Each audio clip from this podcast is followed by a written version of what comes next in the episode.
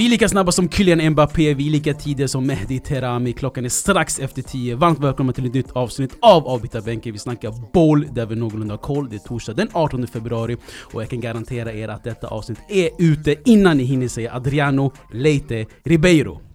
Och just med det namnet vill jag kicka igång det här avsnittet. Mm. Idag är det 18 februari. Och logiskt sett så blir igår 17 februari. Om man tänker rätt logiskt. Exakt. Och igår fyllde The Emperor, L'Imperatore, Adriano Leite Ribeiro, 39 år gammal. Vad, vad säger namnet dig? Adriano Leite Ribeiro. Powerhouse. Det är vad det säger mig alltså. En alltså liksom kraftpaket hela. Kraftpaket också skulle man kunna säga på svenska. Definitivt. Alltså jag kommer ihåg, eh, jag läste en kommentar om Zlatan. Eh, Han berättade när han anlände till Inter. Han sa det enda kravet jag har, det är att ni behåller Adriano. Ni säljer inte honom. Han bara det där monstret kunde skjuta från alla vinklar.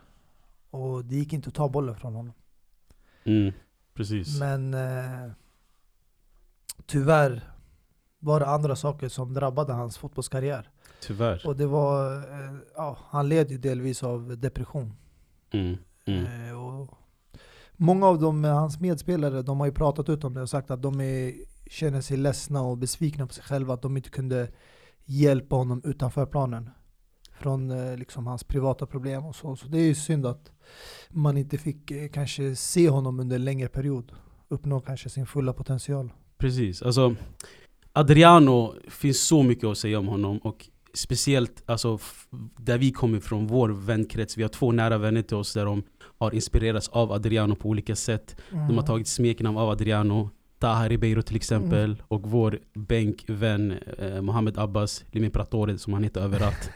eh, på Instagram och sin PS-namn överallt. Så alltså, han har influerat många runt omkring oss, Adriano. Mm. Och Adriano är en sån här spelare som vi, man alltid tänker What could have been? Exakt. Du vet om man tänker what could have been, det är alltid Adriano man tänker på. Och du vet, alltså, som jag sa, Adriano det finns så mycket att snacka om. Det, det kanske är tre delars avsnitt om man verkligen skulle djupdyka i. Men jag, jag kollade, jag har alltid kollat, alltså, man har alltid du vet läst om Adriano, man har alltid kollat dokumentärer och sådana grejer. Men en gemensam grej som folk säger där Adriano aldrig blev som förr, det var eh, 2004 Copa America så spelade de final eh, mot Argentina. Och Adriano gjorde ju det här eh, sista målet 90 plus 3 eller vad det var. Eh, så att de så att det blev förlängning och sen straffar och att de vann med straffar till slut eh, Brasilien. Mm. Och efter matchen så var liksom Adriano tårfylld och ville, sa bara liksom Det här är tribut till min pappa. Det är bara Mm. min pappa jag vinner den här eh, eh, finalen för. Och, och eh, där, där såg man liksom att hans farsa var en stor stöttepelare i hans liv. Och kort därefter så förlorade han ju sin farsa. Eh, och eh, jag kommer ihåg att Javier Zanetti berättade att eh, han fick ett samtal från sin, sin, i Brasilien, Adriano. Och eh, Javier Zanetti såg att Adriano bara bölade, kastade telefonen och hans farsa gick bort när han var 45 Mm. år. Och Adriano var 22 år. Och sen dess har inte Adriano varit densamma. Nej. Så det är som du ser, depression vad en spelare kan göra med honom. Eh, Och eh, jag kommer att Javier Zanetti sa ju, och, han- alltså han och eh, Massimo Moratti sa, och alltså sen den dagen han förlorade farsan eh, så öppnade vi våra armar och tog han som vår egna bror och egna son. Mm. Eh, Men även då så, så gick det inte liksom att eh, få han på benen igen. Det är eh, så jävla synd alltså. What could have been med Adriano. och en annan intressant grej är att du vet Ivan eh, Cordoba som han också spelade länge med i eh, Eh, med Adriano, den här gamla mittbacken. Sa att han bara Ey Adriano du vet väl att du är en blandning av eh, Ronaldo, alltså Nazario, alltså fenomenet och Zlatan Ibrahimovic. Eh, och du kan bli eh, en av de bästa spelarna. Typ, vad fan gör du? Adriano, alltså grejen är, han erkände liksom alltså, alltså jag måste dricka för att mina problem ska försvinna. Mm. Eh, jag måste du vet, eh, eh, eh, eh, alltså, mina, alltså, jag måste dränka mig. Alltså mina problem måste dränkas av alkohol för att allt ska försvinna. Eh, så det är jävla, så jävla underskattat där med depression och så jävla underskattat med, eh, alltså vi som inte du vet kan, kan, kan föreställa oss det, vet inte hur folk känner sig som det. Nej, exakt. Precis, men Adriano han ju ändå vinna eh, några titlar med Inter. Vann ju eh, en, två, tre, fyra Serie A. Eh, och något som han gjorde också tre gånger om, så Zlatan inte gjorde, det var att vinna Coppa Italia också med Mm. Inter. Eh, så han har ändå en meritlista på sin, på, eh, i bagaget. För en sån spelare som man tänker Abo could have been, tänker man alltid Abo, en, en, en sån här spelare som bara gick in och ut. Men han, han har ändå en, en bra stat, måste man säga. Ja, alltså det har han.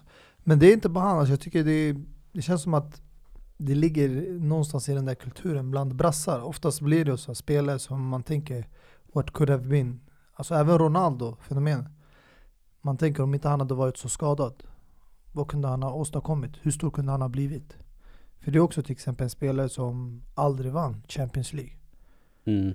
Men ändå en spelare som man skulle kunna tänka sig alla dagar i veckan han ska kunna vinna Champions League. Oavsett om han spelar för Inter eller Real Madrid. Precis. Men det är många av de spelarna som, de har ju drabbats av olika saker men det känns som att det händer en hel del brassar. Robinho som såg jättelovande ut. Eh, Men ja, började sin karriär i Real Madrid.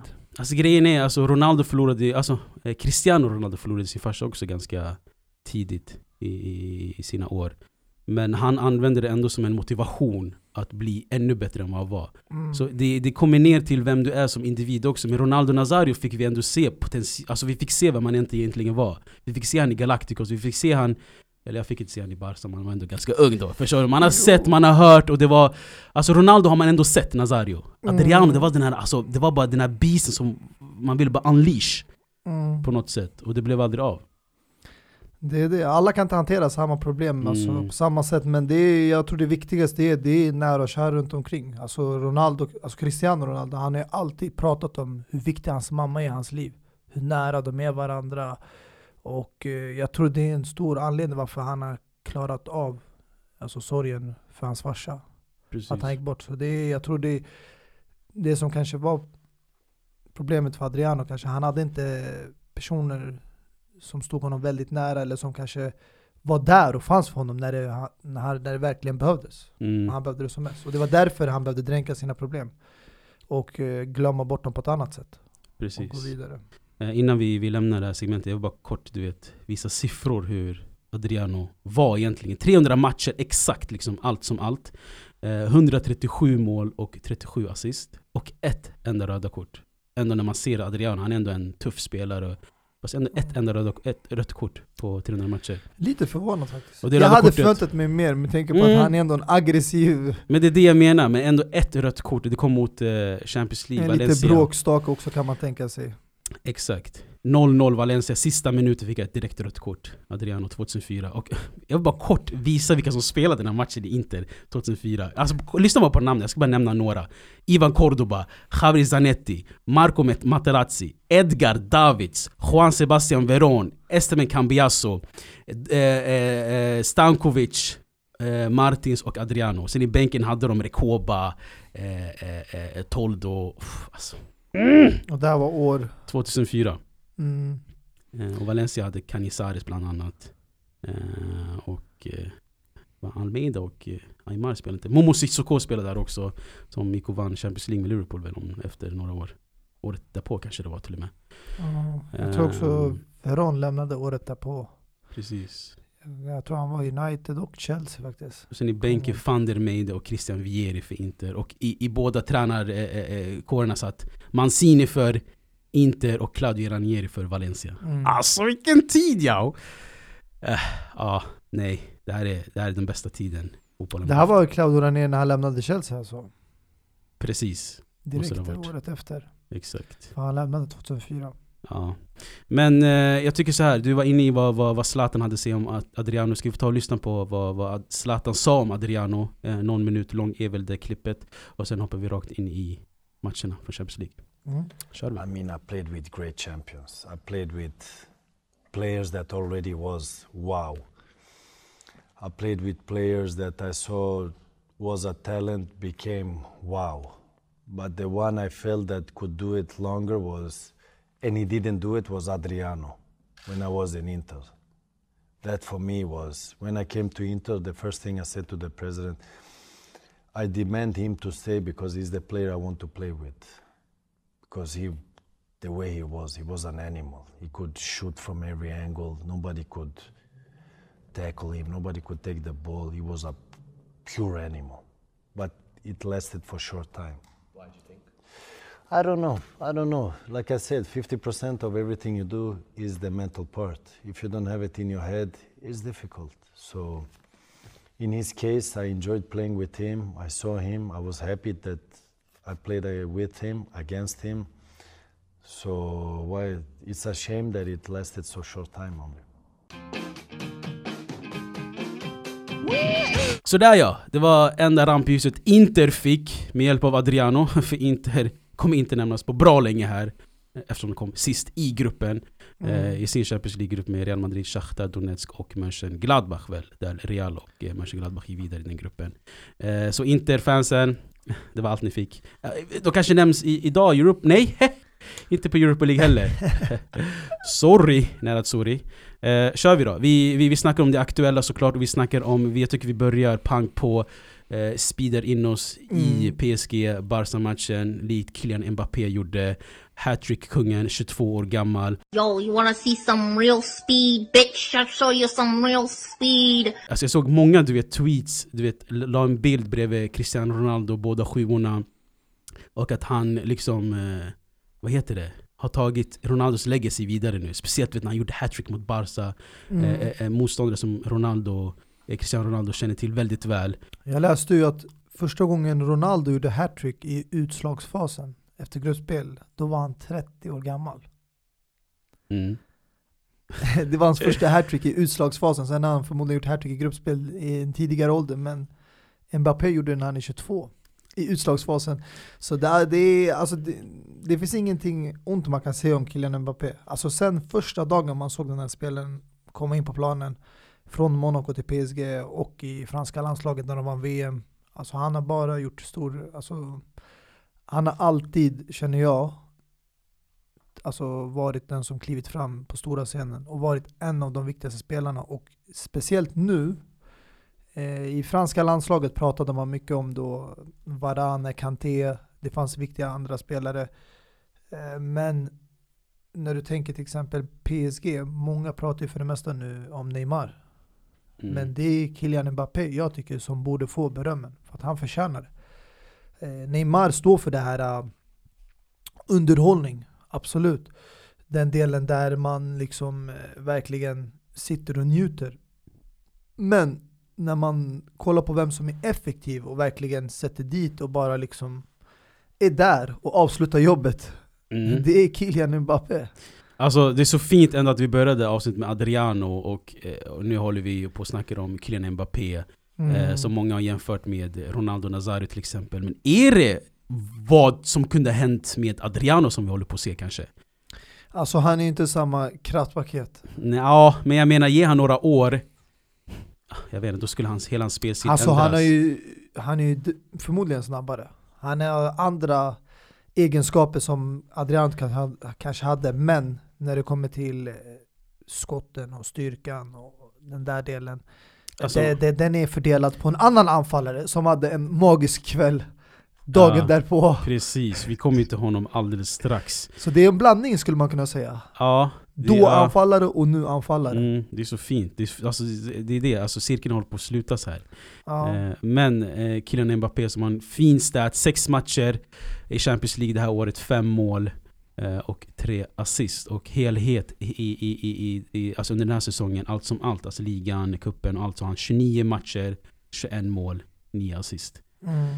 Eh, och Kylian Mbappé är ju inte en re, alltså, renodlad anfallare, jo absolut. Jag tror det är den eh, positionen han föredrar mest.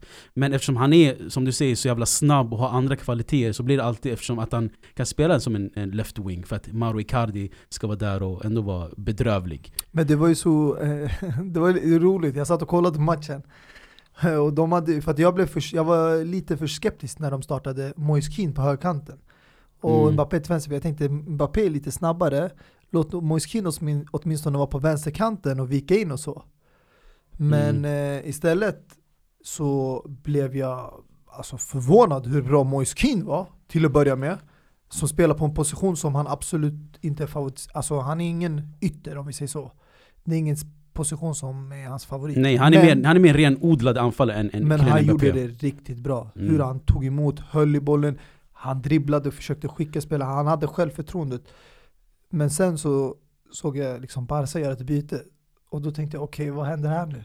De Mm. tänkte att Dest klarar inte av killen Mbappé, låt oss Mm. ta in Manguiza. jag tänkte den här killen, det här måste vara en dundertalang om han, de tror att han kan göra jobbet bättre än Dest mot killen Mbappé. Jag tror mer det var, vi har inget att förlora nu, låt oss bara chansa med, Ja. med en annan spelare. Alltså jag tror den här matchen var första gången jag insåg hur- dåligt det är i Barcelona. Hur För mycket att det krisar, eller hur? Ja, efter det där klippet, för att jag, förs- jag hörde lite skrik och så där vid hörnan, lite rop och sånt, Mm. men eh, jag ska inte ljuga, jag förstår inte spanska. Vi vill ha upp en skön eh, translate på vår sida också. Exakt, så efter man fick höra översättningen, då, alltså jag måste säga, det är väldigt oroligt för Barca-fans att få höra sånt. För det, där, det är ett tecken på att det inte är bra inom klubben och i omklädningsrummet, bland spelarna, kanske bland tränaren. Och eh, nu är jag ännu mer skeptisk till att eh, Messi kommer förlänga och stanna. För att om det inte är bra mellan spelarna, mellan varandra, och det här är mitt under match, det är inte liksom, eh, det var inte efter full tid. Utan det här är mitt under en hörna, det ska slås en hörna och ni sitter och tjafsar och bråkar på det där sättet. Eh, det är absolut inte ett bra tecken. Och sen har du en eh, kapten som Messi som står bara där helt tyst. Du, om du är lagkapten, det är du som ska gå in däremellan och lösa det och få saker och ting, alltså ordning. Men istället var det Lenglet som fick komma emellan Piqué och Griezmann i den där diskussionen. Exakt, och grejen är alltså, det hände ju där bak. Så Messi kan du inte kanske klandra för han kanske var lite längre upp Nej i men banan. alltså så högt som However- Piqué skrik, jag, sk- förlåt skrek, alltså definitivt han hörde, han stod utanför straffområdet. Jo, men det jag vill påpeka än en gång här, exakt samma sak, argument när vi, när vi snackade om Lukaku och Zlatans eh, eh, munhugg och, och även när vi hörde Dejan Kulusevski svära friskt. Alltså, vi har ingen publik. Sånt här hör vi ju nu, det är jättenytt för oss. Men och jag då kan tänka hörde mig... Messi också det. Men, jag, men jag, ja, jo, absolut. Men ska vadå? Alltså, nej, alltså jag tycker Lenglet, det finns alltid interna kaptener och det finns alltid kaptener. Mm. Och då äh, steppade Lenglet fram som en intern kapten. Mm. Och jag tycker det är helt rätt, men jag tänker alltså det här är inget nytt i fotbollsvärlden att, att, att spelare skriker mot varandra och säger FU och, och, och shut up och sådana jag grejer. som en- en fotbollsfan skulle vara orolig om jag fick höra sånt nu, även man kanske inte hör sånt i vanliga fall när det är fans, så skulle jag känna att det är någonting som inte stämmer. Även om man vet att den här ekonomiska krisen pågår och sånt, men man hoppas ju ändå Alltså det, jag fick ändå känslan att efter 5-1 vinsten i helgen mot Alaves att saker och ting börjar bli bättre i klubben. Men sen Mm. kommer den här matchen, den här förlusten och det här uh, tjafset och skriket. Mm. Och då är man tillbaka på ruta ett. Ja, ja. Alltså, jag kan absolut hålla med om att det här tjafset är ett nötskal på hur Barca mår idag och vad Barca Mm. är. Att det, det var ett horribelt försvar och det var liksom... Eh, alltså... I, i sådana här slutspel liksom, i Champions League. Eh, att, att, att sånt där försvar, eh, att, att, vi får, att vi får skåda sånt där försvar där Piqué är en, en av de mest erfarna eh, eh, mittbackarna i Europa håller på och klackar till Mbappé som man kan göra mål för. Alltså, förstår du vad jag menar? Där, Okej, i och för sig Stegen kanske skulle ha gjort bättre där också. Kyl- Kylian Mbappés Alltså jag tycker, jag tycker. Barcelona ska vara glada att de kom undan med en, bara fyra mål. För det kunde blivit så mycket värre än så. However, however vi du vet såg ju... ju att, eh, alltså det är där, där, därför jag är väldigt kritisk till VAR. För att Barcelona, straffen som de fick, Mm. var ju straff, även om det inte var flit. Men han sprang in igen bakifrån, han fick en touch på hans fot. Du måste vara försiktig när du springer tätt in på bakom en spelare. För det är lätt att komma var väl åt Kurshava, hälen. eller hur? Ja, Ja. men det blev ju likadant, Griezmann på Mbappé. I deras Mm. straffområde. Och man, Mm. när man såg reprisen såg han att han kom också åt hans benhäl därifrån. Och de fick inte straff, en exakt likadan situation. Men alltså Men det värsta av allt för mig, det var Icardis klack. Alltså för mig, när jag såg det där, den Icardi vi känner, den tidiga Mm. Icardi, han hade gått på avslut där direkt. Mm. Han hade lagt bollen på vänsterfoten och placerat den. Alltså han var helt fri framför mål. Istället klackade han den vidare till Moise Keane. Mm. Det där är en anfallare som inte just nu har det här självförtroendet som gör sånt där. Annars hade han gått på avslut. En anfallare släpper inte en boll när han är helt fri. Men det är som, det är som Zlatan sa i det här De är klippet. hungriga, de gör mål. Det är som Zlatan sa i det där klippet nyss. 50% är mentalt. Mm. Och Icardi är inte där mentalt. Och på tal om Icardi, såg du de här interfansen du vet, de, de, de vägrar släppa Icardi. Jag såg, jag såg att de, de eh, uppmärksammade att Icardi likade en, en, en post som Juventus la upp. Jag vet inte om det var exakt Juventus, eller Juventus när de vann mot Inter i alla fall. Mhm. Att han likade den här bilden. Alla bara 'Ni jävla hund! Tagga! Vad gör du? Ba, ba, ba, hit dit!' och Icardi, jag kan tänka mig han, han, han gör det medvetet, han vill bara sätta igång de här interfansen. Så, Nej men alltså, alltså karma har bitit han i arslet om vi, får- om vi får använda ordet karma i, i, i det här. alltså om jag ska vara helt ärlig, jag skulle vara ganska glad om jag var Icardi sits. För att det var inte han som ville lämna klubben. Mm. Det var ganska klart tydligt att klubben ville göra av sig med Icardi efter alla problem. Och de fick som de ville och han fick mer eller mindre som han ville. Så egentligen om han vill återvända till Serie A och Italien, jag förstår han om inte han vill gå tillbaka till en klubb som slängde ut honom från dörren. Som kastade ut honom bokstavligen. Alltså grejen är, Och sen hämtade och ersatte honom med andra spelare. Jag, jag skulle eh, alltså inte känna dåligt samvete över att gå till laget som Juventus. För jag vet att där har jag störst sannolikhet att vinna scudetton. Alltså grejen är, eh, eh, Maurito har ju satt minor lite överallt. Alltså, Barca kan inte gå till, för där har han ju Maxi Lopez och Messi hatar honom. Eh, Sampdoria tror inte vill ha, ta tillbaka honom om han går till Serie A. Inter, nej. Och han kan inte gå till Juventus heller för det där blir det Italien och hela den grejen. Milan vill inte ha honom. Så om man ska gå till Serie A, vart, vart Atalanta eller? Atalanta har redan Duvant Zapata och de Napoli. här. Napoli, ja, hade varit någonting. Det är dags att kasta Milik och Llorente. Mm. Jag har för mig att Milik inte är kvar där. Ja, ja, han lämnade ju nu förmodligen i januari, men de skulle inte skada, alltså ta emot, alltså nu Mertens som har ju ryktats mycket bort, hans kontrakt skulle gå ut, eh, kommer ju lämna när som helst. Jag skulle satsa på Victor Oshimen och Icardi som anfallspar. Vad fan hände med Oshimen som vi snackade upp som fan innan eh, säsongen drog igång? Eh, Det är ju som vi Napolis- sa, som vi nämnde tidigare, vissa anfallare blir inte den man förväntar sig. Ja. De uppnår inte den potentialen. Nej men Icardi absolut, eh, jag tror Napoli har nog, eh, skulle öppna upp dörrarna för eh, Icardi. Jag vet att Llorente spelar inte kvar där heller, han är i Udinese, Fernando Llorente. Så eh, en, en, en, en, stor, en, en sån här en, en anfallare som trivs i straffområdet behöver nog Napoli. Mm. Men skitsamma, eh, Icardi, nu kommer ändå Inter in i, i, i, i det här samtalsämnet igen. Vi försöker stänga ut Nerazzurri, för det är Champions League vi snackar om här. Jo, jag tänkte på, vi snackade om eh, tjafset mellan Griezmann och Piqué och hela den grejen. Hörde du eh, Jordi Alba och Mbappé, var de som till varandra? Nej, Alltså, eh, den delen missade Alltså Jordi Alba har ju den här uh, råttstämpeln på honom, att han är bara, du vet Han är så som en weasel, du vet Han är bara jobbig Så, uh, så Mbappé eh, sa ju till honom I'll, alltså, alltså jag skulle döda dig på gatan, I kill you in the streets. Eh, Och jag, jag ska inte ljuga, jag skrev lite translate vad I kill you in the street heter på franska. Jag får ta Je vais te tuer dans la rue. Tänkte Mbappé säga det till eh, Alba Varför skulle han säga det? Nej alltså yani, de höll på att bråka lite, han bara lyssna, på gatorna jag skulle döda dig, förstår du? Och jag ska vara ärlig, har du hört Kylian Mbappé prata? Han har en mörk röst för att vara 22 år gammal. Alltså det är såhär wow, är det en 35-årig barre som snackar eller är det Kylian Mbappé? För han har en babyface, du vet Turtle, eh, vad heter det? Ninja Turtle ansikte Ja, Och så kommer det. han med den här mörka rösten Jag tror jag har hört han eh, prata på engelska men inte franska. Oh, he, he had a good memory about it because he, he won the, the final against Juve, I think, and um, it's it's a, a good option for us.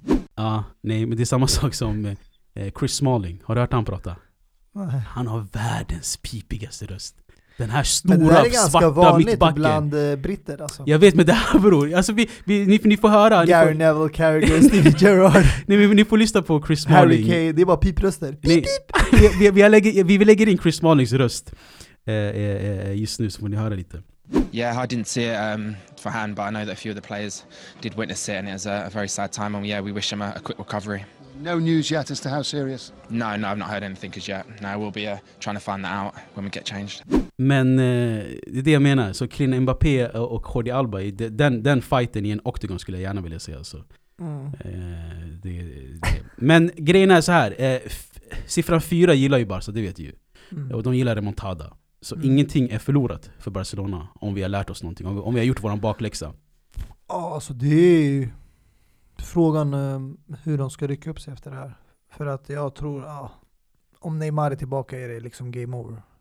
För att eh, få dem tillbaka en spelare som Neymar i ett läge där de har liksom 4-1.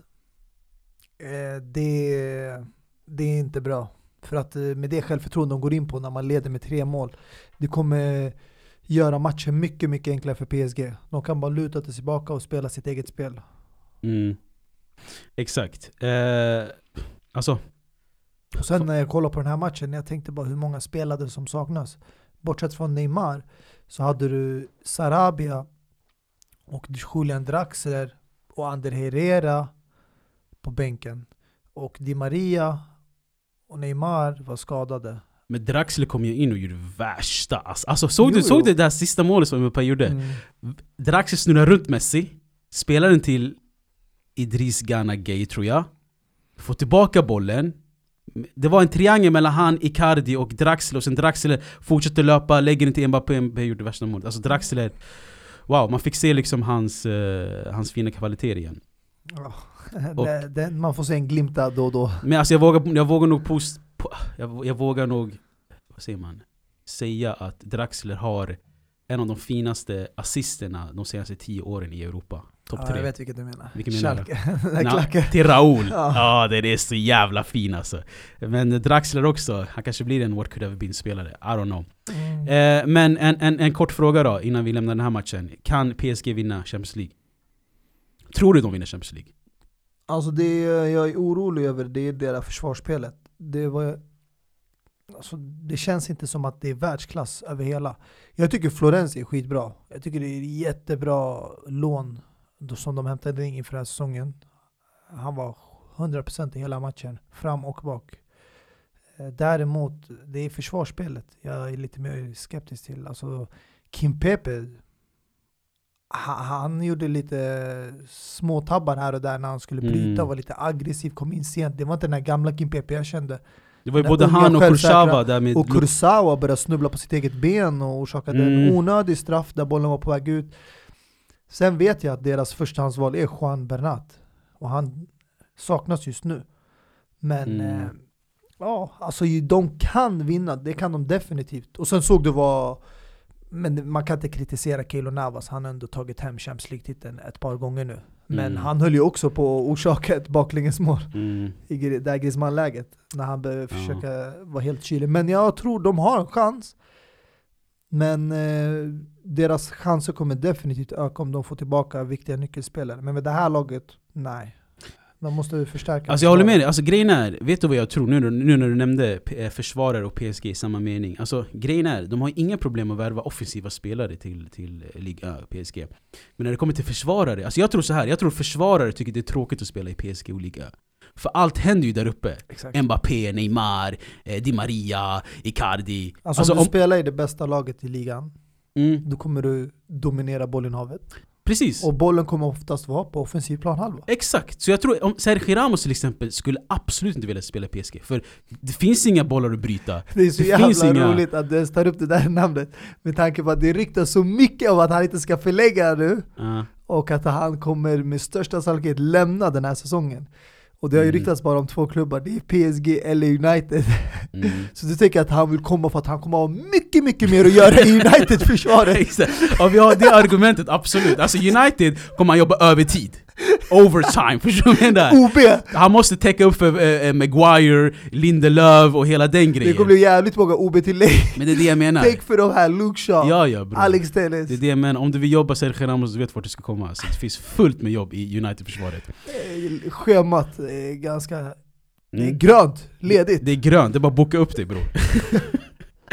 eh, hur som helst, ska vi, ska vi gå vidare till eh, en annan ung spelare, faktiskt två år yngre än Kylian Mbappé. Det tror man inte när man ser dem bredvid varandra. Eh, som du var inne på, Erling Braut Haaland Mm. fortsätter göra kaos också.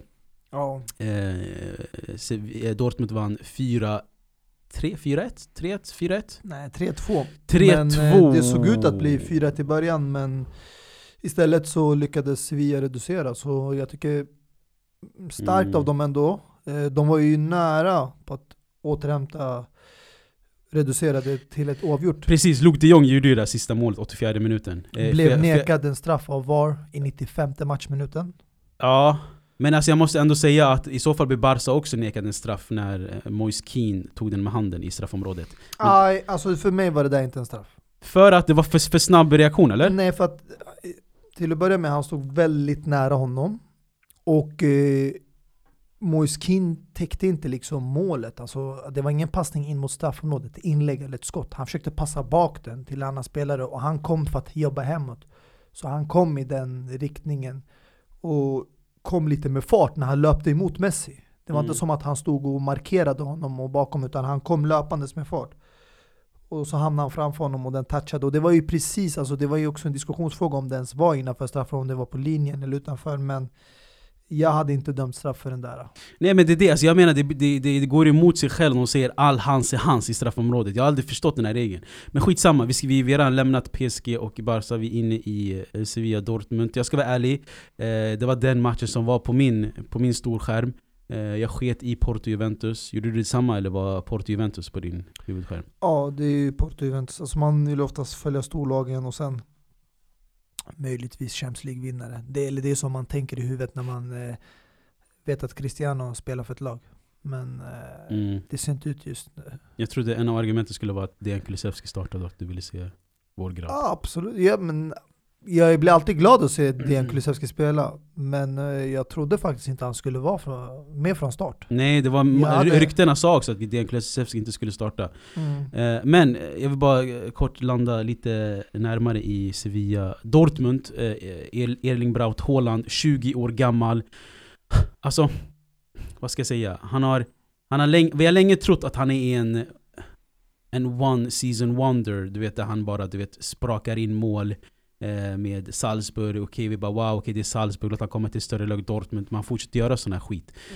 Eh, och det argumentet om att du vet i eh, när Dortmund får spela Champions League eller Bayern München eller med Mönchengladbach Det är då vi andra fans får se verkligen Tyskland spela 90 minuter Men annars, jag ska vara ärlig, 15.30 deras bästa sändningstid i Bundesliga Då spelas en annan skön match i Premier League Jag ska vara ärlig, man hinner inte kolla på Bundesliga så ofta Så det här är enda matchminuterna vi får se Dortmund och Bayern München spela på riktigt du vet Ja, det är ofta så. Men eh, man, eh, man försöker njuta i alla fall. Alltså, jag vet ju ändå att alltså, tyska ligan har ju ändå mycket att ge. Jag tycker de senaste åren har de visat att eh, det går definitivt att jämföra med resterande topp 5-ligor i världen. Mm. Eh, och just nu kan man sätta dem längst upp på pedalen. Alltså förra året hade du ju både Leipzig och Bayern München i semifinalerna. Bayern München var ju vinnarna. Och det här året har du Leipzig som slog ut United från gruppspel, Mönchengladbach som slog ut Inter Shakhtar från gruppspel. Alla fyra lag kvalade vidare från gruppen. Precis Så det, de visar ju ändå på att eh, de är där och utmanar. Inte bara i inhemska ligan men även ute i Europa kan de utmana topplagen från andra ligor. Så jag tycker de förtjänar helt mycket, alltså mera ögonen på sig. Ja exakt Snart kanske det blir så att man prioriterar en Bundesliga-match Det tycker jag definitivt. Alltså spelare som eh, den syrisk-födde tysken Mahmoud Daoud. Mm. Du såg hans mål. Otroligt Oh ja. läckert. Mm. Han har nummer åtta på ryggen, styrande mittfältare. Eller till exempel Jude Bellingham som kom från Birmingham, var en stor Mm. snackis. Född 03, har redan gjort 17 matcher i, i, i Bundesliga för Dortmund. Är en, också en startspelare för, för Dortmund såg vi igår. De älskar unga spelare, det vet vi redan. Det är det jag menar, alltså, vi fick bara höra du vet, Jude eh, Bellingham från Birmingham till Dortmund direkt. Sen dess har vi inte följt honom. Det är det jag menar, det är, det är synd. Och sen den här Yusuf uh, Mokuka, Mokoko. Mm, Mokoko. Ja, 16-åringen som Mm. gjorde kaos i, i, i, i ungdomslagen och sen gör kaos nu i Dortmund också. Alltså förstår du vad jag menar? Alltså, de, som du säger, de i älskar. A-laget kan man inte säga att han har gjort. Han har gjort två mål i A-laget. Jo, jo, två mål har han gjort. 16 år, två mål. Det är kaos för mig. Definitionen för mig, kaos, det är minst tvåsiffrigt. Men eh, absolut, jag förstår. Han Kaos är, i hans ålder. Han det är är på väg säger. mot kaoset. Om det fortsätter som det ska, då kommer det bli kaos. Alltså han, han, han, är, han är vänsterfilen på väg mot kaoset. Ja. Så kan vi säga. Han Han kör, han på kör att köra. 120 mot kaoset. Nu är det frågan om han kommer få motstopp eller inte. Absolut, ja du tycker han är ung, han vet inte om man Exakt. växlar och hela det Ja. grejen. Han kör automat, det är lugnt. Men det kanske finns en Ferrari, en Holland framför honom. Om är det. den kanske ställer sig i högerfilen eller byter till en annan motorväg, Premier League, kanske öppnar upp för honom. Det är det, det är det. Ensam på motorvägen exakt. framåt och Exakt. bara gasa. Det är det jag menar. Eh, Erling Braut Haaland är ju framför Moko, Mokokos. Nej men intressant är att han slog ju två rekord igår. Eh, första rekordet eh, var ju, han är den snabbaste spelaren att göra 10 Champions League-mål för ett och samma lag. Eh, det är för Dortmund såklart. Eh, den eh, spelaren som gjorde det, eller som höll rekordet innan det, det var faktiskt en spelare också från Tyskland, från Bayern München. Vid namnet Roy Mackay. Mm. Gamla holländaren, en av mina favoritspelare genom tiderna faktiskt. Och han är även den snabbaste spelaren att komma upp. Eh, han gjorde 17 mål nu på 13 matcher. Eh, på så kort tid. Och det ser lovande ut för honom. Alltså ibland, jag blir lite så här avundsjuk. Jag tänker fan, tänk om... Alltså Sverige har ju Zlatan, men nu när man tänker framtiden långsiktigt. Man pratar om Kulusevski, men man skulle vilja se Sverige skapa ett monster. Som Haaland. Du tänker, du tänker vad fan, han är så nära Norge! Varför kunde det inte bara vara Ja, svensk? exakt. och grejen är, han är inte född i Norge heller, han är ju född i Leeds i England. Ja. Du vet om farsan och... ah, Du vet om farsan bara åkte till Sverige över en match, spelade i Sverige, kunde han bli födas i Sverige och ha ett svenskt pass, förstår du vad jag menar? Ja. Och om Zlatan skulle stanna lite längre kvar skulle han bli eh, inspirerad att spela med Zlatan där uppe. Mm. Så det var, det var några marginaler ifrån att Men Holland det är kanske skulle alltså, spela i jag tror även vi får se, alltså, framtiden ser lovande ut. Jag tror det här två anfallare som vi pratar om kommer hamna i nya klubbar inom de närmsta ett eller två åren skulle jag säga. Du tänker på Haaland och Mbappé eller? Ja, eh, alltså de är ju bra, men faktum är att de är för bra i sina nuvarande klubbar. Alltså grejen är, jag, jag måste ändå använda argumentet att det är som sagt ändå Bundesliga och Liga Ö vi snackar om. Det är det, men när du Det är inte kollar La Liga på... och Premier League och Serie A. Alltså, PSG absolut, de kan ju utmana om Champions League och så. Men när du tänker på utmaningen som man får om man går till eh, Spanien eller England, det är en helt annan femma. Så i Haalands situation så vet han att chansen är större att vinna titlar och utmana om titlar i ett annat lag. Men eh, Mm. jag förstod mellansteget de båda gjorde. Det förstår jag och det är riktigt smart gjort. Vissa lag, eller vissa spelare som Haaland eh, har ju haft möjligheten att gå till topplag, som Holland också hade. Och han kunde ha valt United, men jag tror det hade varit för tidigt för honom. Så jag är faktiskt glad och eh, på ett sätt imponerad att de är smarta, de gör så här kloka beslut vid den här unga åldern, att de vet det är inte dags ännu. Låt oss göra ett mellansteg. Kylian Mbappé valde att stanna i Frankrike, för att han känner Frankrike när han har varit i Monaco och allt. Så han fortsätter i samma fotspår. Och sen vet han ändå att det är ändå en legendarisk klubb. Du har haft spelare som Ronaldo, Ronaldinho där, som har touchat marken. Förstår du? PSG har ändå den lite historia. JJ Okocha. Ja, och Haaland, han tänkte Dortmund, Aubameyang, Lewandowski, de har haft sina anfall genom åren. Låt mig följa där. För det där har du inte heller lika mycket press på axlarna. Mm. Du får lite mer andrum. Mm. Men nu när de har utvecklats och kommit till ett nytt stadie, jag känner att det är dags att ta nästa steg. Ja, jo. Alltså grejen är, en United-flytt till Haaland kanske stoppades av hans padre som spelade i City tidigare. Mm. Kanske ligger någonting där i. Men en intressant grej är ju, alltså vart tror du, slash, vart är rimligt att Erling Braut Haaland hamnar? Alltså, Haaland, jag tror Premier League. Det, jag, det lutar sig åt det hållet. På grund av att farsan har spelat där och sen... eh, Han har vet, fysiken för Premier League också. fysiken, 1,94, spelstilen. stor. Och eh, ja, det, det känns bara som Premier League är det rätta stället för honom. Jag tror att han kommer hamna där för att jag tror det är också något som ligger i hans intresse. När det gäller Kylian Mbappé, jag är ganska självsäker på vem, vart han hamnar. Det är, Det är Real Madrid. Alltså det är Galacticos för att det är, alla vet det är spelarnas dröm. Och när du tänker på Kylian Mbappé, alltså han är fransk, du har Zidane, du har Benzema där. Han kommer känna sig bekväm och bra där och sen också har han pratat mycket liksom, du vet, att man har hittat likheter mellan han och Ronaldo, nummer sjuan, spelstilen och sen Real Madrid. Det är där han var som störst, så varför inte liksom följa honom fotspåren? och sen har en, en, en, alla, alla vi har sett den här bilden på Mbappé när han ligger i sitt, eller, ligger i sitt, i sitt Mm. rum och sin säng. Det är bara Cristiano Ronaldo Exakt. affischer överallt. Så Real Madrid är en, en, en väldigt trolig... Eh, Han får helt enkelt Mm. hoppa över United-steget där. Jag tror inte han klarar av den miserien. du vet, det är som, det är som när, man, när man miljökör en bil, man växlar upp från etta till trea direkt. Exakt. Tvåan i United, men det går till två. Han, han är uppe redan i infarten. men eh, jag tänkte på... Um, jo, du vet. Eh, Interlachen när de spelade i, i helgen. Du vet i vår eh, WhatsApp-grupp, jag skrev ju jag bara Romero Lukaku är världens bästa tempoväxlare. Jag vet inte om du såg när jag skrev det där? då?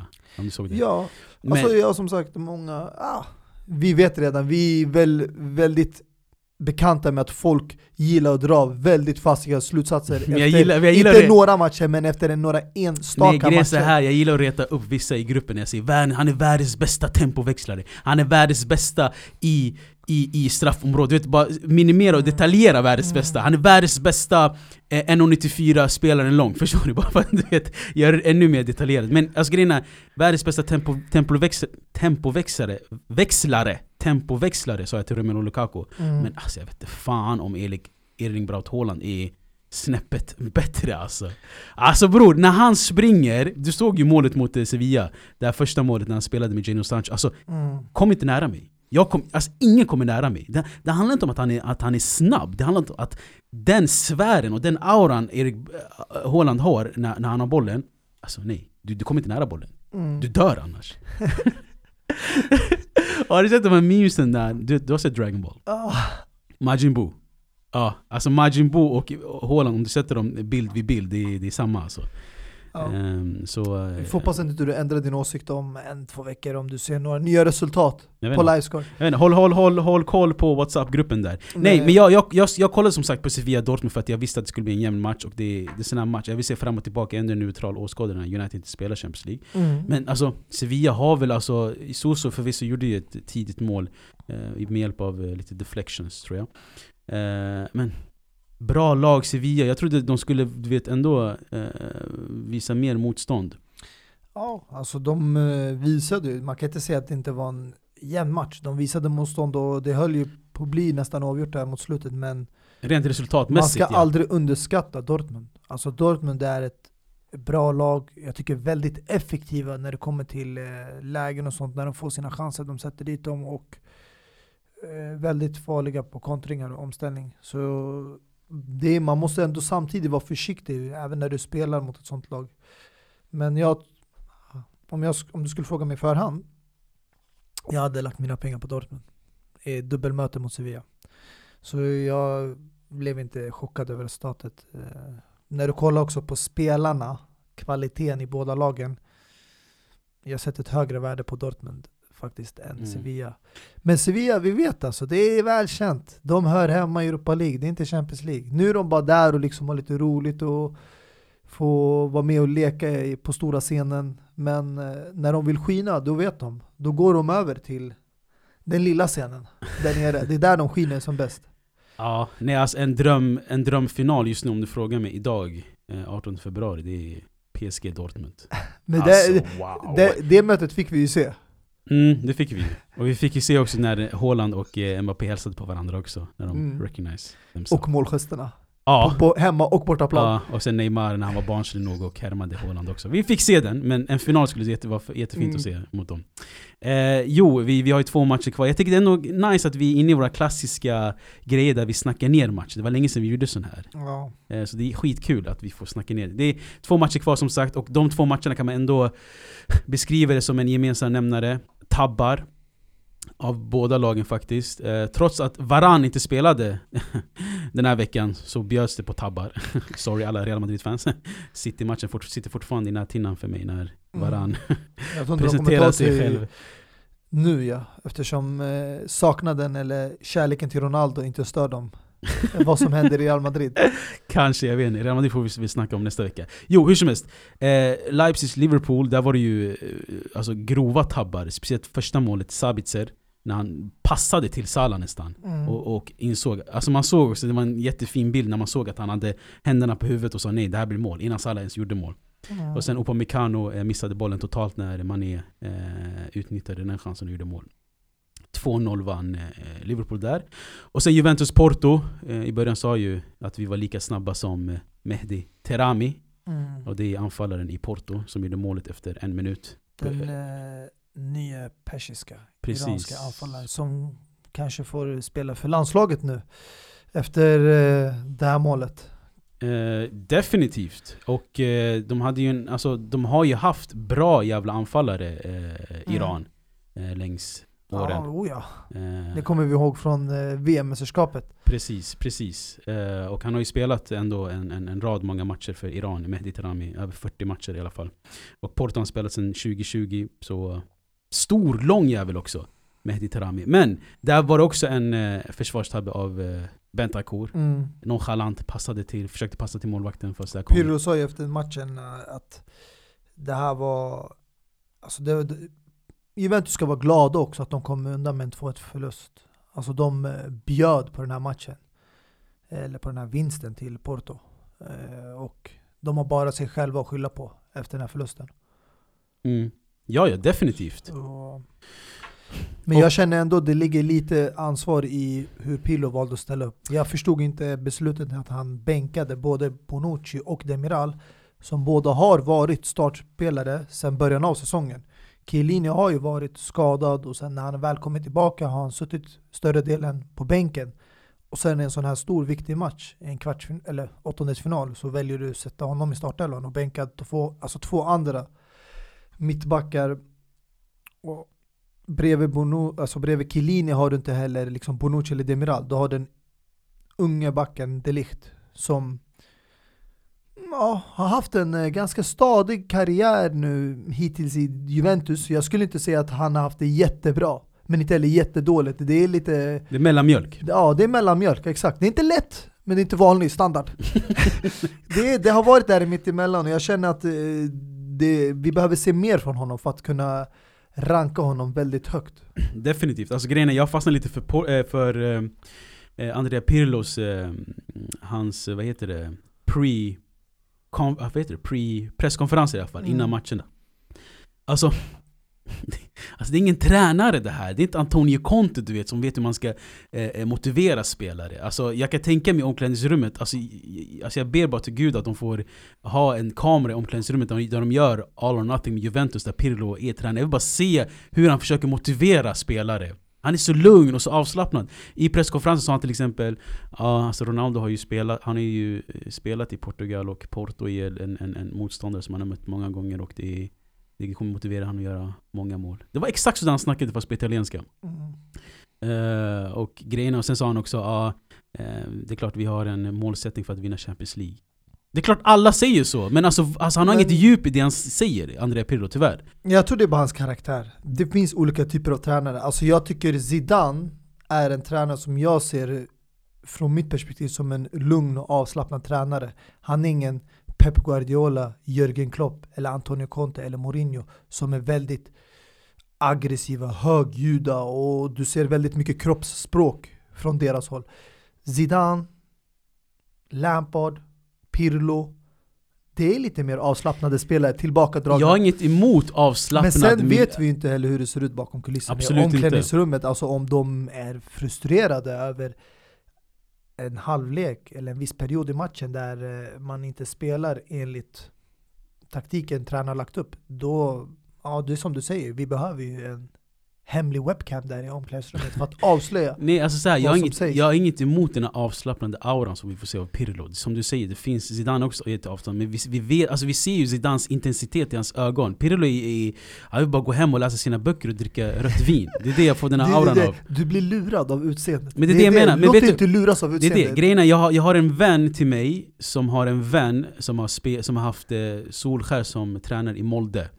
Eh, Och han sa liksom att Solskär skriker Solskär är Alltså i en- omklädningsrummet Ja exakt, Mm. men när vi ser han du vet, på presskonferensen, han, han ler åt allt Men har du en vän som är en vän till någon som har blivit coachad av Pirlo? mm, Nej, Solskär Men då vet du inte Ja. hur Pirlo är i Jag vet omklädningsrummet. inte, Dejan Kulusevski får väl... eh, Han kanske sitter med sin eh, svart kopp kaffe där vid fåtöljen hemma i villan vid eh, terrassen på balkongen. ja. Men när han är inne med Då är Juventuskläderna det på, whiskyn framme kavajen, va? då, Halsa whiskyn och skrika sönder på Cristiano Ronaldo då kanske är det en elsig där. Alla Maurizio Sarri va? Ja. Nej men eh, Dejan Kulusevski får väl berätta snart när han kommer hit eh, hur det är att coachas av eh, Pirlo. Oh ja, Mm. det skulle jag verkligen vilja höra. För Mm. att eh, det, det är många frågetecken man har på en här ny tränare i branschen. Eller den här superunga svensken som spelar i Juventus, Jonas eh, Rui. Mm. Han har vi lite kontakt med. Han får definitivt också komma eh, när han är i Sverige och berätta lite vad han har Ja, sett. Tillsammans kanske med eh, Emil Robak! Robak. Ja, och det skulle vara något. lite rivaliteten där. Ja, det skulle vara absolut vara något. Definitivt, det, det siktar vi på. De har ju säkert mött varandra i primera-lagen. Det tror jag definitivt. Eh, men som sagt, de här två matcherna, Porto, Juventus och eh, eh, Leipzig, Liverpool säger sig själva, vi behöver inte snacka så mycket om det. Jag tror inte Juventus har sjungit sin sista refräng, det är en match kvar och jag tror Juventus kommer definitivt lägga på växel där. Chiesa räddade ju lite situationen, gjorde det vackra Ja. målet. Oh ja. Så det finns mycket att spela för den här matchen i Turin, Juventus Mm. Stadium. Allianz Stadium kanske den heter nu. Ja. Nej men det finns så mycket spelare i den matchen och eh, Sevilla Dortmund skulle jag säga. Mm. Det är inte helt avgjort där också. Det är, ja, de har ju tre borta mål så Sevilla behöver ju ha två mål. Men allt är möjligt. Det är, bara så synd, det är bara så synd att båda spelas samma dag, Juve Porto och Sevilla Dortmund. De matcherna man vill se, du vet, enskilt. Och jag skulle inte heller, alltså den enda matchen som jag ser som ganska solklar, det är väl PSG Barca. Jag skulle inte heller räkna bort 100% Leipzig för att i ja, om man ska kolla på Liverpool och deras fas de är i just nu, det är väldigt blandade resultat.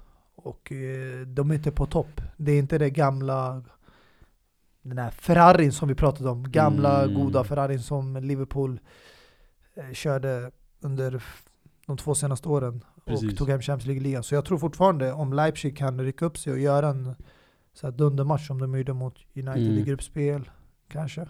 Mm. Eller som de gjorde mot Atletico Madrid förra året, Champions League. Det är alltid möjligt. Det är öppen match. Ja, ja, ja. Det Det, vi vet att sådana här matcher det kan avgöras på några små marginaler. små marginaler. Precis. Och ehm, eh, vad säger man? Eh, alltså, ja, jag vet inte vad jag skulle säga här. Nej men eh, vi får ändå vänta två veckor eller vad det är för att se de här returmatcherna. För Mm. nästa vecka spelas den andra eh, klungan. Ja, det, det är den stora klungan. Alltså jag tror helt ärligt, den, den här veckan var som ett försmak. Alltså som en uppvärmning inför de stora, exotiska Champions League-matcherna som kommer nästa vecka. Alltså vi pratar om Atalanta mot Real Madrid. Ett drömlag som egentligen alla gillar att se på eh, på grund av fotbollen som Atalanta spelar. Och de möter såklart El, Ga- El Galacticos. Atletico Madrid, stekheta formen, får möta det hackiga, knakiga Chelsea Nytränade. med en eh, ny tränare i rodret, Tuchel. Mm. Så det kommer bli intressant. Och eh, sen har du Lazio Bayern München är också en skitfin match, jag ska vara ärlig. Det är en, eh, vi vet att det är en, det är inte så öppen match om man ska vara ärlig på rak arm. Men allt är möjligt i den matchen också. Men jag känner alltid att eh, Serie A-lagen har haft det tuffare i Champions League. För det känns som att, du vet när du kollar på Serie A, det känns inte som att, förut trodde inte jag det på det. Mm. Man fick också oftast höra det också. Mm. Ibland även från våra vänner som du vet, håller på Serie A, att de säger att man ger upp Mm. Champions League eller Europa League för att kunna fokusera helt på Serie A. Mm. Och nu, för första gången så känner jag som att det ligger någon sanning i det. Att ibland känns det som att de- de inte satsar lika mycket på europeiska turneringar, men satsar mer på inhemska, för det är där man vill briljera. Man vill visa först att man är bäst i Italien. Och sen när man har gjort det, som Juventus nu i nio år, då kan man gå över till nu är det dags att visa att vi är bäst i Europa Bara, också. bara det kanske sägs hur stor scudetton är och hur stor, stort det är att vinna Serie A i Italien kanske. Att man nästan ger upp eh, Europas största turnering för Ja. att vinna Serie A. Mycket möjligt. Jag vet inte. Men jag tycker du räknade bort eh, Borussia Mönchengladbach och Manchester City också. Den är inte helt avgjord heller. Alltså- Marcus Thuram, Alessandro Plea. Jag vill inte vara taskig så mot uh, Mönchengladbach, de gjorde det riktigt bra i gruppspel mot lag som Inter och Real Madrid, men alltså City i den här, Här tar det formen, slut eller? här tar det slut. Alltså Mm. de får ju hoppas på att Kevin De Bruyne, Agüero och några av de här nyckelspelarna inte hittar tillbaka innan det här mötet, för får de tillbaka alla sina spelare Alltså det är inte ens, Men en som det, är inte ens, det är inte ens någon idé att sätta på, jag tänkte säga sätta på tv-skärmen, man kommer ju ha tv-skärmen på för att se den andra matchen, men det är inte någon idé att pendla. Det är bara att låta vara kvar och bara höra pling efter pling efter pling. Oj, okej. För det kommer radas upp, det kan jag garantera dig. Ja, nej men vi, vi, vi, vi vet ju att eh, Europaspel och City inte rimmar så bra ihop heller. Nej nej, alltså jag tror Ehm. inte eh, City kommer ta hem det. Men eh, det här mötet och åttondelsfinal, det klarar de sig igenom. Mm. Men de har ju en som har hittat rätt. Du sa att, eh, du vet, att Agüero och Kevin De Bruyne, att man inte får hoppas att de har hittat till den här Mm. matchen. Men Ilkay Gundogan har hittat eh, jättefint de här senaste veckorna som är en av deras bästa spelare. Eller den bästa spelaren måste jag säga. De senaste Ja. veckorna för Manchester City. Och Ilkay Gundogan, man glömmer bort hur länge han har varit i City. Han, han rattar ju det här laget. Han är den mest erfarna där. Alltså man glömmer bort honom lite för att han eh, oftast inte är det han som brukar vara i rampljuset. Mm. Eh, han är lite, jobbar där bakom och direkt, dikterar spelet och tempot. Men eh, nu har han ju fått en lite nyare roll. När de inte eh, har någon central eller ordinarie anfallare. Och de spelar med falsk nia. Så han får ju lite mer fria roll och offensivt. Och då blir han mer delaktig. Och det har gett nytt liv i honom måste jag säga. Exakt. Och han har verkligen också hittat tillbaka nu efter sin, han har ju varit också ganska skadedrabbad både innan han lämnade Dortmund och City. Precis. Ilkay Gundogan faktiskt, du vet vi att han var i Sverige för, för något år sedan, eller två år sedan. Eh, det, var så, det var skitkul. Han, eh, han var på en konsert där Lamix spelade. Okej. Eh, och han filmade liksom sådär. Han bara ah, Sweden, så det. Han, han visste inte vem Lamix var. eh, Säkert. Men så såg jag att Lamix repostade Gundogans grej. Jag bara vad sjukt. Gundogan i Sverige. Man Lyssna är- på Lamix. Och du vet Alltså om jag hade varit artist, eller om jag hade varit någon som jobbar med artist eller sådär, co-host, Mm, och jag fick höra att en människa vid namnet Ilkay Gundogan mm. har köpt en biljett till den här konserten. Jag hade skannat Nej, nej, igenom nej, hela nej, nej, det var- stället. Nej det var ingen biljett han, han införskaffade sig för att lyssna på Lamix. Nej Alltså, men hur var han där? det, var en, det var en öppen, eh, öppen eh, konsert i typ Kungsträdgården tror jag. Eh, han var typ där och, så, och filmade typ. Så det är ändå sjukt, Ilkay Gundogan och Lamix kopplingen där. Ja, det är sjukt. Men jo, jag tänkte på... Um, eh, City spelade ju faktiskt en match igår samtidigt som Champions League-matcherna. Alltså, Mm. Det säger bara sitt hur packat fotbollen är att Premier League. En sån här stor match mot Everton, ändå, två bra lag spelas under Champions League. Det här är en match man vill se på en söndag klockan 17. Och du vet, se fram emot. Men ändå så spelar de samtidigt som eh, Sevilla, Dortmund och Juventus Porto 21-15 och eh, City vann matchen eh, 3-1. Ja. Ehm, Tyvärr blir det så nu när eh, spelschemat är lite rubbat under corona. Mm, Så det, de ligger ju efter med några matcher också. Jag tror City hade en mindre, och jag tror Everton ligger fortfarande med en mindre spelad match. För innan den här matchen hade de två mindre spelade. Mm. Så Men- de har ju fortfarande en match att ta igen. Ja men det är så tråkigt att, att liksom eh, eh, Champions, alltså Premier League blir sekundärt i det här läget när Champions League spelas. Och det, man vill inte missa Premier League när det är ändå ganska... Nej, inte en sån match. Absolut inte. Men, Exakt. eh, Alltså Burnley Fulham spelade också igår men den, den missade jag jättegärna. Kryssmatch 1-1 blev det, jag skiter i Burnley Fulham. Spela, spela när Champions League-finalen spelas, jag bryr mig inte. Men Everton City vill man ändå se alltså. Eh, ja, men jag tycker ändå det blev ett skitfint avsnitt där vi fick med ändå en Adriano, vi fick med Champions League-matcherna, mm, vi fick med Lamix och Gundogan. det, det, det Högt och lågt i detta avsnitt. Jag tycker vi ska avsluta med ett budskap Okej? till alla fans. Speciellt Barca-fansen nu, som tog den största smällen nu under den här Champions League-omgången.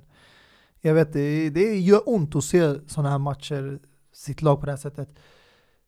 Och vi alla har varit där, både jag och du. Vi vet det. Kanske inte, alltså jag, att man blir utslagen på det sättet, eller nu är det inte avgjort, men att man åker på sådana här förluster, det är alltid jobbigt att ta som fotbollsfans. Speciellt när det är ett stormöte, alltså när det är lite inhemska ligan så, då, då kommer man över lite fortare. Men de här europeiska mötena, de här toppmötena, när man möter storlagen, eh, man vill ändå att det ska vara en jämn match. Det ska inte vara liksom så här eh, en... Alltså du vet vad jag menar, att man blir utskämd. Alltså det är en eh, Nej. total eh, alltså, klassning av PSG just första mötet, men nu vet man att andra mötet går. Mm. Men eh, det viktigaste är att ta sig vidare från det här. Så Men inget, inget är vunnet än. Nej, inget är vunnet, men jag säger bara istället för att liksom, du vet, vara arg och kritisk hela tiden på sina spelare, sina spelare, Griezmann och de här, och som de har varit väldigt kritiska till, eller motståndarspelarna, killen Mbappé, då Mm. säger jag bara don't hate the player. hate the game. För it's a beautiful game, but it's not always in your favor. Ja, Så det, älskar det man måste acceptera. Man kan inte alltid vara på toppen. Mm. För då, då, då går man inte igenom någonting dåligt. Det, det, då mår du bara bra. Då lever du i en perfekt värld. Mm. Det kommer dala och det kommer komma topp. Fint budskap. Men jag vill bara kort förstöra för det att det inte blir det sista ordet vi säger här. Jag vill bara kort också nämna vad vi har, vad vi har att se fram emot i helgen, för det är skitfina matcher. Eh, vi har ett Merseyside derby, Liverpool-Everton. Eh, Arsenal City spelar, eh, PSG Monaco spelar och den största matchen har vi på söndag. En tidig sådan, 15.00. Det är lite jobbigt att den spelar så tidigt. Eh, Milano Derby. Mm. Så en sprakande helg ändå. Det måste bli ett måndagsavsnitt efter det här. Oh, ja. Ja. Eh, Det kommer bli jävligt tajt här. Mm. Måndag och sen är det Champions League Ja. också direkt Ja, därefter. mm. Vi får se hur vi gör, hur vi laborerar. Det, det, det kommer bli mycket snackis, men det känns som att ja, man måste dela upp det här i två delar. Det går inte, alltså beroende, för man kan inte förutse vad som händer i de här matcherna, men blir en hektisk helg. Då kanske det blir ett, ett, ett, ett två, två avsnitt i veckan. Då får man lägga helgen åt sidan, och sen Champions League-omgångarna åt en annan sida. Ja, att det blir liksom ett kort måndagsavsnitt och ett kort torsdagsavsnitt. Exakt. Att vi kommer tillbaka till våra rötter lite som vi brukade göra förr. Vem vet? Ah, ja, jag tycker vi avslutar ändå med ditt budskap. Don't hate the player, hate the game. Eh, vi hörs någon gång nästa vecka. Ciao ciao! Ciao. Kom med mig, vi kan gå vart du vill Hey baby, ge dig allt, allt jag kan och lite till Hey baby. Yeah. Jag föll för dig, för du fanns där när folk försvann. Hey baby. Mot alla odds, det är du och jag, det är vi mot allt. Jag dör för dig. Jag lever tills jag dör för dig. För sättet som du rör på det får mig att känna oh, Bara du, ingen annan baby. Jag dör för dig. Jag lever tills jag dör för dig. Finns inget jag ångrar. Vill älska dig långsamt.